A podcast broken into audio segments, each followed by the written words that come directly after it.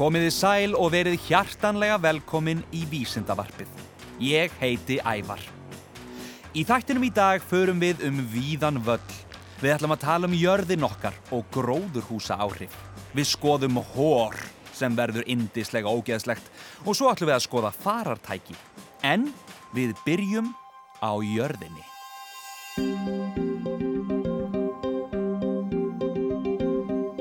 Við erum mjög heppin að búa á Íslandi.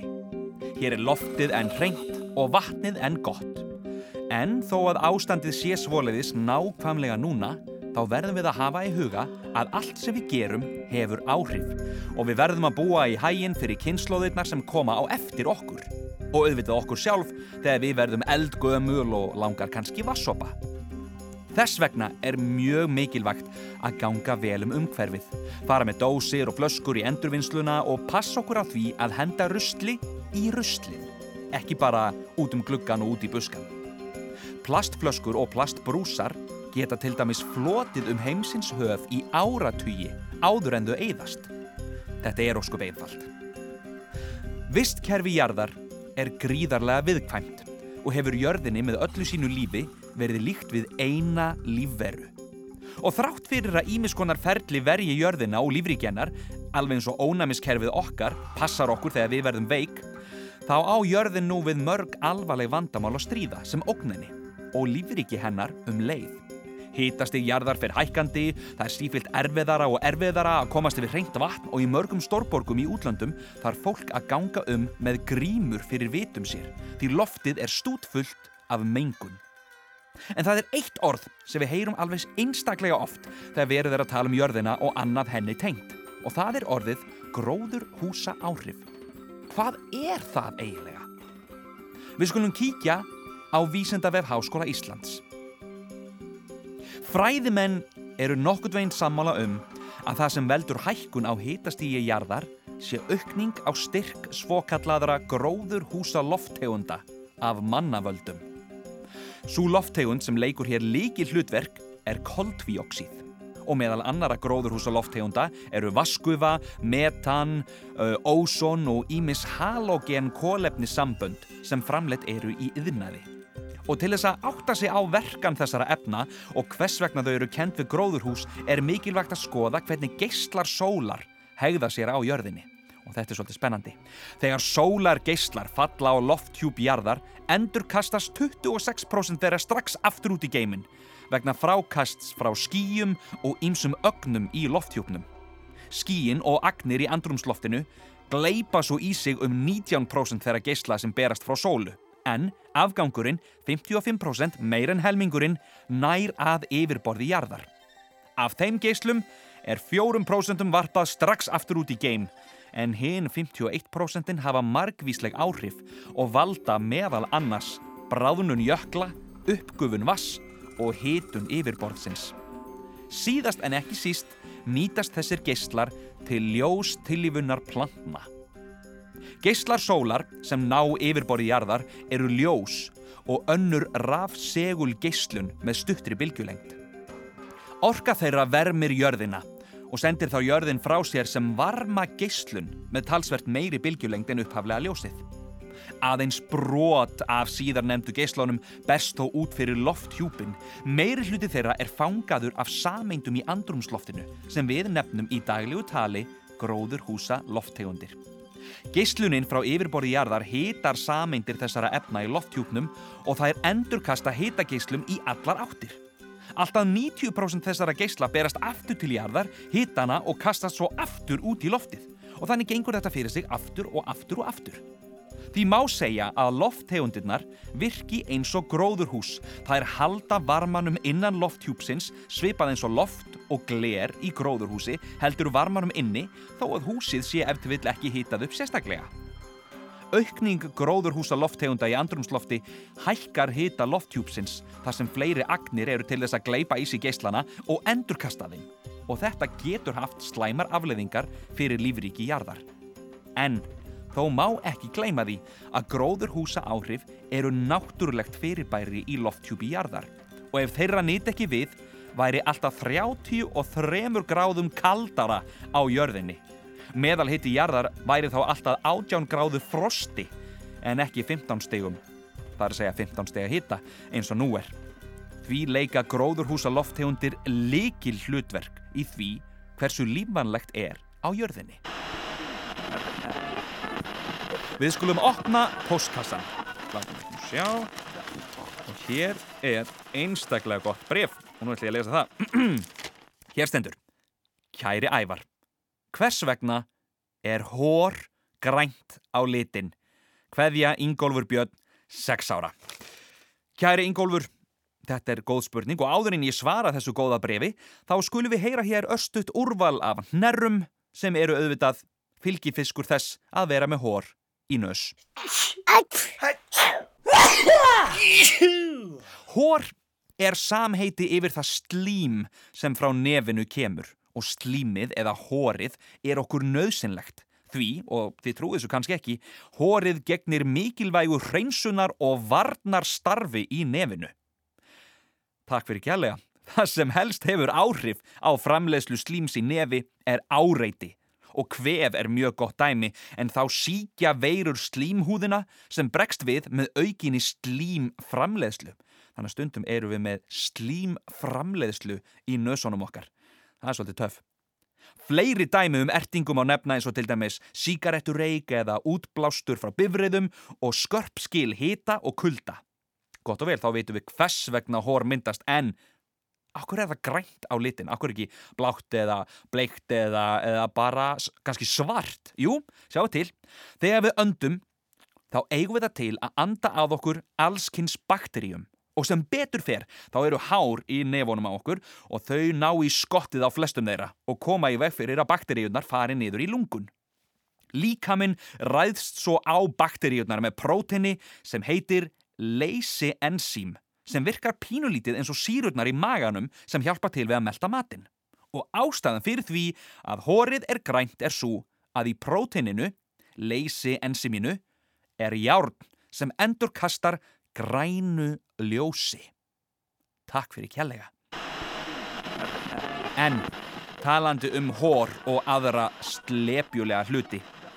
Að gefnu tilefni ætla ég núna að kenna ykkur að búa til slím.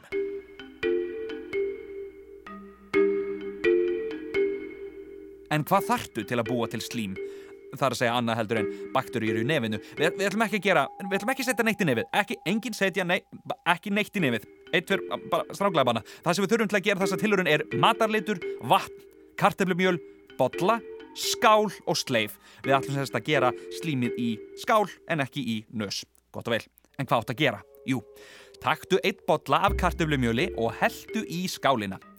Og karteblumjöl, það ætti að vera til á flestum heimilum. Það er nota til þess að búa til kakósúpur og gera sósur, þykkar og solis. Þannig að það ætti að vera til, til á flestum heimilum. Þú tekur karteblumjölið, hellir í skálina og bætir hægt og rólega vatninu saman við og hræðu afar rólega með sleifinni. Þegar blandan er orðin meðal þykk þá skaltu hætta. Passaði að setja ekki of mikið vatn úti. Við viljum ekki kvíta ógeðslega súpu. Bættu matalit ofan í blönduna og haldu áfram að hræra. Svo skaltu taka slímið upp úr og prófa því áfram með það. Þú getur prófað að rúla því í kúlu, henda því í vaskin og kúlan hún helst í smá stund en svo breytist hún aftur í vökva. Þú getur prófað að rýfa slímið í sundur. Hvað gerist þá? Karteblumjöl er ákaflega skrítið fyrirbæri. Það hegðar sér þver öfugt við flest efni. Því meira sem þú hristir slímið eða rýfur í það, því harðara verður það. Passaði samt að matarliturinn fari ekki í fötinn þín. Og fyrst við erum að tala um matarlit kannski eftir að byrja á því að byggja mömmu eða pappa um leifi af því ef matarlitur fer í fötinn þín þá fer matarliturinn ekki aftur úr þeim. Þess vegna kannski gott að vera með svundu jável þó þú hafi fengið leifi Passaði líka að slímið fari ekki út um allt og verður snögg eða snöggur að leika þér með slímið. Því ef það er ekki þrýstingur á því þá verður það bara að vögva Þú getur prófað sem samanbörðartilurinn að nota öðruvísi lit. Þú getur prófað að leggja höndina hægt ofan í skálinni þegar slímið erðar og prófaðu svo að kippina aðeins snögglega. Þá fylgir skálinn með. Passaðu bara að slímið lendi ekki á gólfinu. Og ef slímið hefur tekist fullkomlega þá ætti það að hljóma dálítið svona.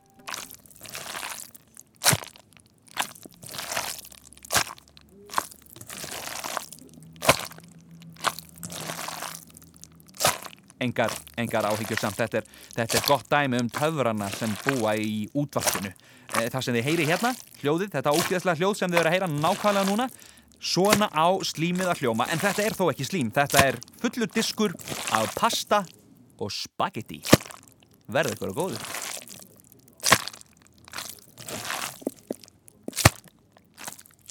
Í gegnum tíðina höfum við mannfólki þrá það eitt að vera einhver staðar annar staðar en við erum núna. Grasið er grætna hinum einn. Við viljum skreppa þangað, kíkja hingað og heimsækja þennan sem er þarna. Og sumir þeir vita fátt betra en að taka góðan göngutúr í róleg heitum. Ah, ha, ha. Á meðan aðri vilja bara helst komast sem fyrst á staðin. Og ef þú ætlar að gera það, þá þarftu faratæki. Og til að byrja með þá voru auðvitað engin faratæki. Fólk hafði bara fætur og varð að nota þá. Og ef þú áttir tröstan vin sem var til í að bera þig á háhest þá varstu auðvitað í góðum málum en það var ekkit gefið. Á miðöldum voru engin farartæki til hraðskreiðari en hestar á landi og seglskip á vatni. En svo fóru hlutirnir að gerast.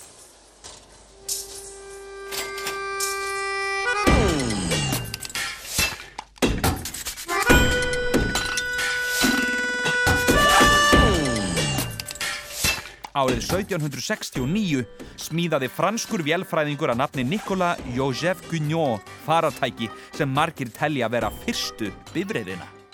Ökutækið var gufu knúið og franski herin notaði það til að draga fallbissur.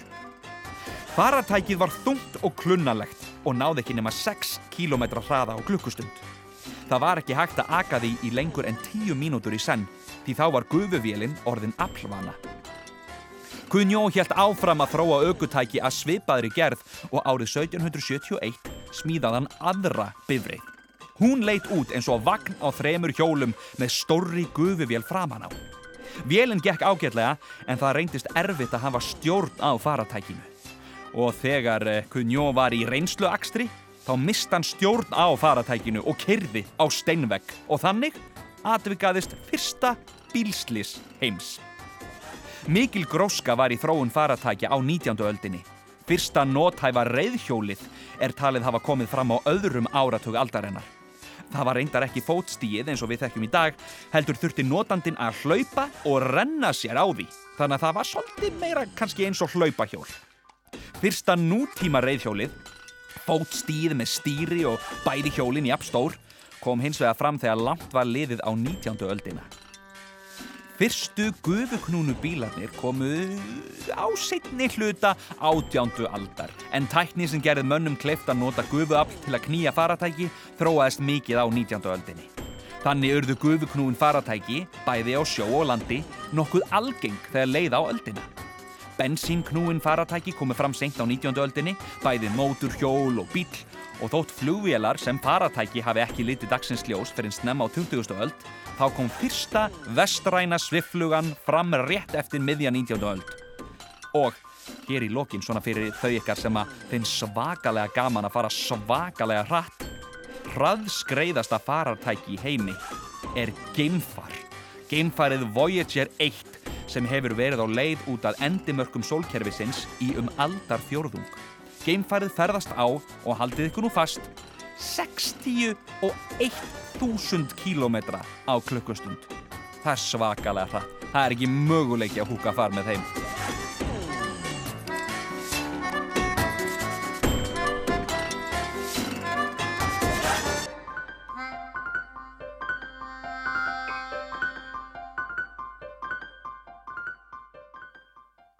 Við höfum talað um allskins faratæki en við eigum eittara eftir og það er eiginlega uppáhalds faratæki mitt þótt ég sé reyndar ekki vissum það að ég myndir nokkuð tíman þóra að ferðast með því. Kavbátur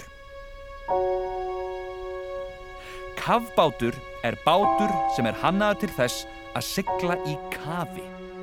Sá fyrsti sem vitað er að hafi hannað kavbát var breski starfræðingurinn William Bourne árið 1578 Það er svakalega langt síðan. Hugmyndin hans var að byggja lokaðan kavbát úr tré og vassheldu leðri sem væri hægt að róa í kafi. Fyrstur til að smíða kavbát var hollenski uppfinningamadurinn Cornelis Drebbel en það gerðan árið 1620. Kafbáturinn hans var svipaður þeim sem William Bourne teiknaði og hann var smíðaður úr trí og leðri og hafði sex árar hvoru megin. Kafbáturinn kafaði á fjöra til fimm metra dýpi í áni Thames á Englandi. Á átjöndu öld heldu kafbátar áfram að þróast og þá komu fyrst fram hugmyndir um vasstanka sem hægt var að dæla vatni í og úr til að láta bátinn kafa og koma upp úr kafi. Slík kerfi eru enn í nótkun í nútíma kafbátum en þeir hafa yfirleitt tvöfaldan stálskrokk. Þegar kafbátar kafa er vatni dælt í geima til að þingja þá. Vatninu er svo dælt út til að hægt sé að sigla aftur upp á yfirborðið. Kafbátar urðu mun nóthæfari þegar búið var að þróa vélar sem gáttu drifið á, en fyrstu kafbátanir með vél voru byggðir í lok 19. aldar. Það var greinlega allt að gerast í lok 19. aldar. Á 20. öld voru kafbátar mikið notaðir í hernaði, en þá mátti bæði nota til að eidilegja óvinnaskip og til að flytja menn og varning á milli staða án þess að óvinnurinn tæki eftir því. Nú til dags eru kafbátar engum notaðir í hernaði og við vísindaransóknir. Og svo er auðvitað ekki hægt að tala um kafbáta án þess að minnast á eitt frægasta kafbátafóringja úr bókmæntasögunni. Það er vísinda snillingurinn Nemo Kaftein. Nemo er skáldsagna persona. Úr hugarheimi franska rithöfundarins Jules Verne. Verne var þekktastur fyrir vísindaskáldsögur og meðar helstu verka hans eru leindardómar Snæfellsjökuls og ungferfisjörðina á 8-10 dögum. Nemo Kaftein, hann kemur úr bók sem heitir Sæfarin 20.000 mílur neðan sjávar og má finna á næsta bókasafni. Ef einhver er að hlusta á þetta á bókasafni þá mæli ég með því að þið hlaupið að staðum leið og vísendavarpiði búið og leitið að sæfaranum eftir Jules Verne. Nemo var vísinda snillingur. Hann smíðaði kábátinn Nautilus eða Nautilus á Eyði-eyju og eitti svo nánast allri æfinni í að sigla um heimshöfin. Kafbáturinn var svo stór og svo svakalegur að fólk held að hann var í sjávar skrimsli. Þá eru við búin að tala um fjölda mörg faratæki og eitt bara svona í lokin ef einhver er að hjóla og bara var eitthvað við að því þetta kom fyrir mig uh, passið ykkur að hjóla ekki yfir yngri sískin ykkar eða vin ykkar það var það fyrsta sem ég gerði þegar ég lærði að hjóla. Eh, ég hjólaði óvart yfir litla bróðu minn. Ég, ég kunni ekki að bremsa og við vorum í eldingaleik og ég var á hjóli og, og hann var hlaupandi. Og auðvitað var það kannski ekki alveg sangjant en svo datt hann og ég náði ekki að stoppa mig. Þannig ég hjólaði yfir hann. En síðan eru liðin mörg ár og, og hann hefur fyrirgefið mér. En farið varlega og ef þið ætla að hjóla munið að vera með hjálm. Þættinum er lokið Ég vil þakka sérstaklega Vísendavef Háskóla Íslands, vísendavefur.is og um leið minn ykkur á heimasíðuna mína, krakkarúf.is skástrygg ævar eða A-E-V-A-R að því að íslenska ægið það virkar ekkit allstaðar sko. Ef þið farið inn á krakkarúf.is skástrygg ævar þá getið þið hlustað á öll vísendavörpin mín og hort á alla sjómanstættina mína, mörg ár aftur í tíman. Takk fyrir mig, ævar vísendamadur, yfir og á Bólakaf.